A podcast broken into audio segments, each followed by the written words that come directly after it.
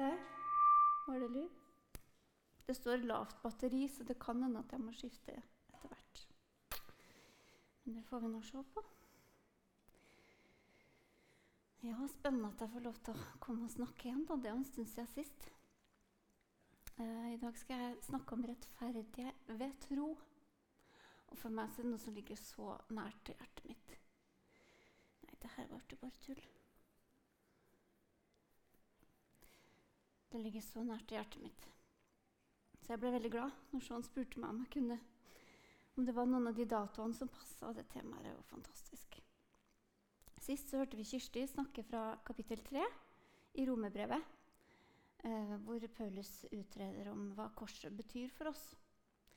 I dag så skal jeg snakke litt videre fra kapittel 4.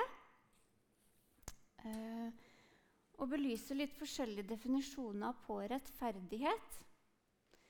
For vi er jo mennesker med ulike holdninger og preferanser, så vi definerer rettferdighet forskjellig. Det kan være selvrettferdighet, at vi er kjempeflinke. Eller det kan være rettferdighet ved gjerninger. Vi må gjøre mest mulig. Eller det kan være rettferdighet ved nåde. Da er det ikke oss det dreier seg om, egentlig. Og rettferdighet ved tro. Det er litt samme. Vi se her nå Skru på den. Og jeg starter um, å fortelle litt om Paulus. Paulus han um, var veldig opptatt av å følge loven før han ble frelst. Så han visste alle reglene som måtte følges, og var nøye på det. Det visste jødene som kjente han om. Så når han skriver brevet til romerne, så adresserer han det også til jødene. Omfavner dem i det brevet. For de kjente hans liv og tjeneste. For jødene hadde sin egen oppfatning av hva som måtte til for å oppnå rettferdighet og frelse. Men etter at Paulus møtte Jesus på vei til Damaskus, så ble teologien hans snudd helt på hodet. Han oppdaga at det var jo ikke gjerninger som var poenget med frelse. Og etter det møtet med Jesus så via han hele livet sitt for å fortelle troende, ikke-troende, jøder og ikke-jøder om denne nyheten. Selve hjertet i evangeliet. Jeg starter eh, med Romerne 4, vers 1. Hvis jeg får til det her. Andre veien. Tekniske duppeditter. Jeg starter med det spørsmålet som Paulus åpner med. Hva kan vi da si om vår stamfar Abraham? Her henviser han til Det gamle testamentet, for jødene var veldig opptatt av Abraham som stamfar. Altså, han var liksom mannen med stor M når det kom til tro og gjerninger. Oppnådde han kontakt med Gud pga. at han gjorde de riktige tingene og var oppofrende? Her adresserer han det jødene var så opptatt av. De skulle skåre stjerner i himmelens bok ved å opp, oppføre seg riktig, gjøre de riktige tingene. Og det her kjente Paulus veldig godt til. Så for å favne jødene så stiller han dette spørsmålet.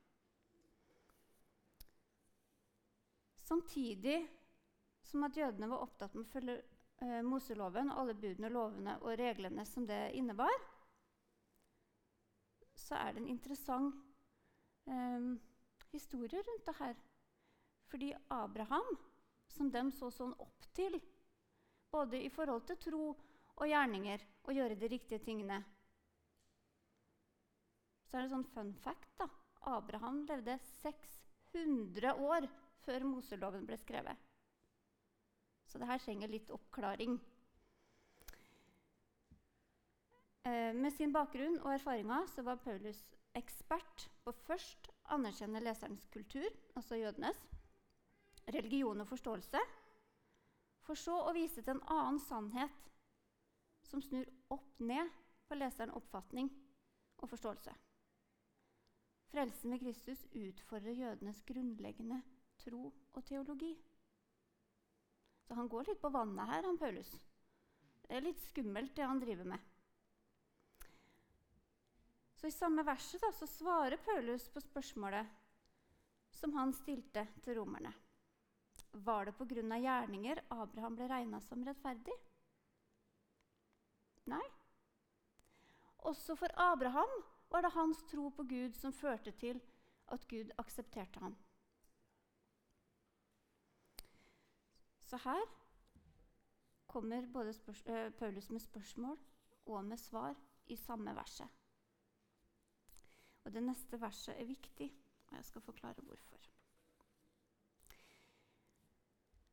Jødene så rettferdighet ut fra gjerningens perspektiv. Som jeg sa i stad, så måtte de skåre stjerner i himmelens bok for å være rettferdige for Gud. Og når jeg søkte på Store norske leksikon på Google, så sto det 'den type forhold der alle mottar det de fortjener'. Hvem skal definere hva vi fortjener? Så om jeg går til Gud da, med det synet på rettferdighet, om at jeg skal få det jeg fortjener, så ville kanskje samtalene vært noe sånn som det her. Eh, Hei, Gud, jeg vil gjerne ha litt flere velsignelser enn måneden. her. For Den siste måneden har jeg vært kjempeflink. Jeg har lest i Bibelen minst én time hver dag. Eh, jeg har hjulpet naboen med å måke snø. Eh, og jeg har ikke gått glipp av en eneste søndag i kirken den siste måneden. Og kanskje Gud da hadde svart, hvis det her var hans syn på rettferdighet Ja, du har gjort de arbeidsoppgavene jeg har bedt deg om. Men jeg ser at du har litt mer eh, potensial til å bli flinkere på sånn og sånn. Vi ses neste måned. Lykke til. Altså, hadde, det vært en gud som vi tror på, så hadde man jo blitt matt av mindre. Men så er det jo det som skiller andre religioner fra vår tro. Det er det som er kjernen i evangeliet. Under systemet av gjerninger så er alt avhengig av synderen, altså hver og en av oss. Og det avhenger av hvilken tilstand vi er i akkurat den dagen og akkurat i den situasjonen, om vi er flinke nok. Så det betyr da om at Abraham ble regna som rettferdig pga. gjerninger. Også om det hadde vært menighetsarbeid, frivillig arbeid og andre viktige og gode ting som man gjerne gjør, og som er bra å gjøre. Da ville Abraham kunne skryte av seg sjøl og dermed frata Gud æren for det han har gjort. Og det imponerer jo ikke Gud. For det er ikke gjerningene som er drivkraften for å bli akseptert av Gud. Og Paulus han underbygger det han sier, da, det spørsmålet han ga, og det svaret han ga, og henviser til Skriften, altså Gamle testamentet. Her igjen drar han inn jødenes tro og religion. Han går til første Mosebok, kapittel 15, vers 6. Der har jeg kobla feil. Abraham trodde Gud, og derfor regna Gud han som rettferdig. Her står det i Romerne 4.2b, men han henviser til første Mosebok. Det er Det gamle testamentet. Så her trekker han inn hele den veien som jødene tror på. Altså ikke for alt han hadde gjort eller alt han hadde oppnådd i menneskelige øyne. Og heller ikke alle gjerningene han gjorde for Gud. Men kun pga. sin tro ble regna som rettferdig. Og Jødene ville jo peke på Abraham som rettferdig ved gjerninger, ut fra lydighet til Gud og en mann med stor tro. Og Sannheten er jo at Abraham han strevde jo med de samme tingene som vi strever med, vi hverdagskristne. Og Vi stoler på Gud, men tenker av og til at han kunne trenge litt hjelp. For vi syns han er litt treig til å oppfylle de løftene som han har gitt. Så Jeg skal gi noen eksempler. I første Mosebok eh, kapittel 12, i vers 1, så leser vi om da Abraham, eh, Abraham ble kalt av Gud, for da hadde Gud ennå ikke gitt han Abraham som navn, til å bryte opp fra stedet han nå var. Og Da står det Herren hadde sagt til Abraham, du skal dra ut fra landet ditt, fra slekten din og fra hjemmet ditt, og dra til det landet som jeg vil vise deg. Han skulle dra fra slekten sin Han tok med seg faren sin og nevøen. Han justerte litt på det kallet Gud hadde gitt. Gud hadde bedt Abraham å dra alene, men han tok med seg familien. I vers 10-14 får Abraham kona si Sarai til å lyve for egypterne for å spare sitt eget liv. I kapittel 15 så lover Gud Abraham og Sarai at de skal få en sønn, noe som egentlig var umulig, for Sarai var jo for gammel til å få barn. Og De trodde jo på Gud, han, men han syntes han brukte for lang tid for å oppfylle løftet. da. Så de bestemte seg for å ta saken i egne hender, så Abraham fikk barn med slavekvinnen Hagar. Som Gud hadde regna Abraham som rettferdig ut fra gjerninger, da hadde ikke det her sett veldig bra ut. Men så er det ikke Abrahams gjerninger Gud responderer på. Og det samme gjelder for oss. Og det som er så fantastisk.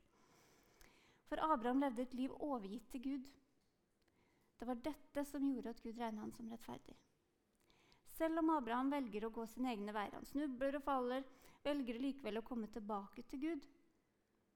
Og det er denne troen som Abraham har, som Gud responderer på. Men hvis vi da ser rettferdig ut fra korsets og nådens perspektiv Nå har vi sett på ut fra gjerningens perspektiv så kan troen vår òg være brokete, vanskelig, strevsom. Vi kan oppleve vanskelige ting som vi kunne ha vært foruten. Men kommer du til Gud med den du er, i overgivelse og takknemlighet, med visshet om at det du har gitt av Gud, det er bare av nåde, det er ikke noe du kan gjøre for å fortjene det, så blir historien og samtalen med Gud en helt annen. For under nåden så vil Gud tilby deg rettferdiggjørelse og frifinnelse fra dommen som Jesus tok i ditt sted. Så hvilket evangelie forkynner vi når vi møter mennesker i hverdagen vår, og vi skal evangelisere, som vi kaller det? Møter vi dem med rettferdighet og frelse basert på den gamle pakt? Hvis du bare leser nok i Bibelen? hvis du bare ber nok om tilgivelse, hvis du bekynner alle syndene du noen gang har begått og kommer til å begå, hvis du bare bidrar nok Er det det vi forkynner? Og hvis vi gjør det Nå tenker jeg at her, Da må vi gå i oss sjøl, hver og en av oss. Hvis vi gjør det, hva oppnår vi da? Eller forkynner vi den nye pakt? Der rettferdighet ved troen på Jesus Kristus alene er nok. Hva vil det føre til? Og Paulus nevner det i kapittel 4, vers 11. Der tro skaper handling. Men det er ikke handlingen i seg selv som er avgjørende. Du tror først, og så fører det at du ønsker å bidra. Du ønsker å gjøre gode ting. Så hvis vi går tilbake til kapittel 3 i Romerbrevet For det her henger jo litt sammen. Hele den boka henger sammen. Så snakker vi nå om gjerninger. Rettferdighet på gjerninger og rettferdighet for tro. Gud har vist oss en annen måte vi kan bli skyldfrie for ham på uten å oppfylle alle budene. Denne veien har Gud hele tiden vist oss gjennom Moseloven og profetene. Her trekker han tilbake til Gamle testamentet igjen. Hele boka er en helhet, henger sammen. Og da skal jeg lese fra profeten Jesaja, vers, kapittel 53, vers 4-6. Sykdommene våre tok han, og smertene våre bar han. Vi tenkte at han var straffet av Gud, straffet for sine egne synder. Men han ble såret for våre lovbrudd, knust for våre synder. Han ble slått slik at vi skulle ha fred. Han ble pisket slik at vi kunne få legedom. Vi har alle vendt oss hver vår vei og er helt på villspor. Akkurat som sauer, som de 99 som ble nevnt i sted.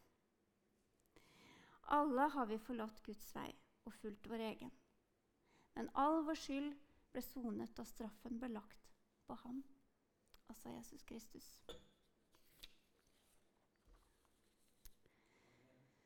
Så i vers 22 så sier Paulus For i Guds øyne blir menneskene rene på grunn av alt de gjør for Gud? Nei. På grunn av Jesu død for menneskeheten. Gud ser i nåde til alle, hver og en, som kommer til å tro på Jesus. For det er ingen forskjell. Det vi får, er helt ufortjent. Alle har synda. Ingen som går fri. Men ved troen på Jesus så har han kjøpt oss fri fra synden og dommen. Hvis du åpner hvelvet i historien i livet mitt og bare ser meg Alt handler om meg. Da ligger jeg tynt an. Men åpner du hvelvet, og alt handler om Jesus, blir historien en helt annen.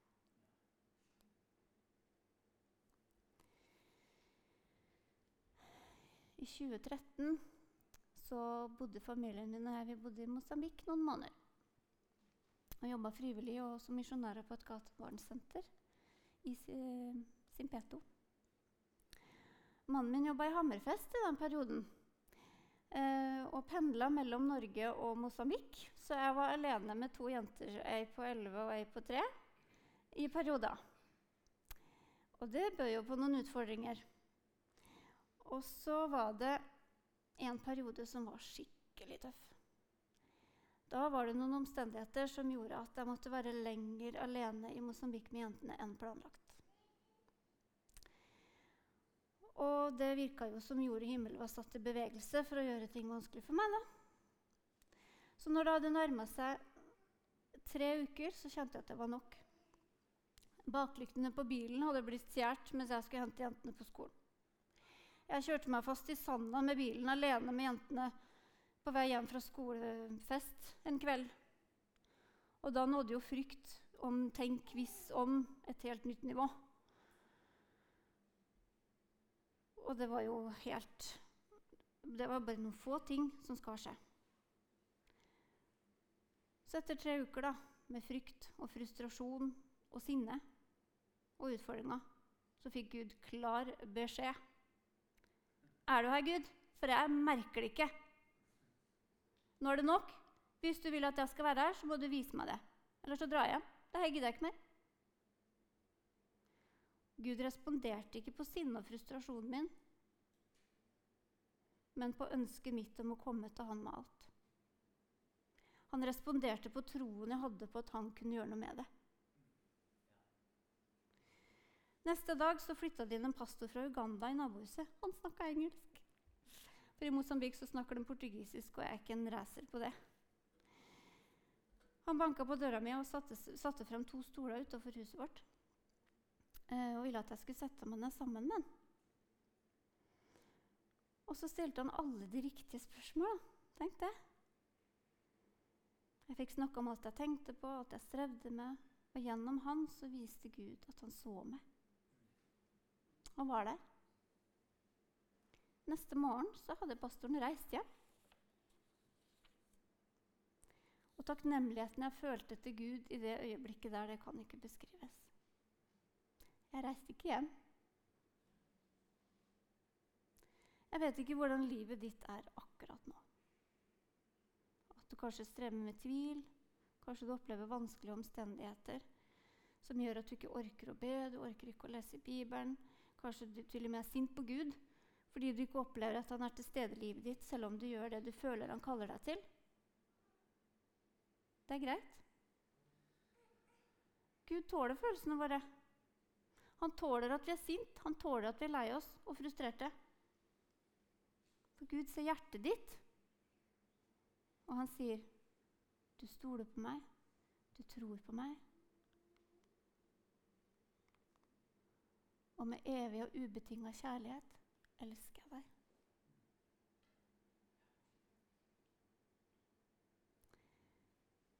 Gud velsigne.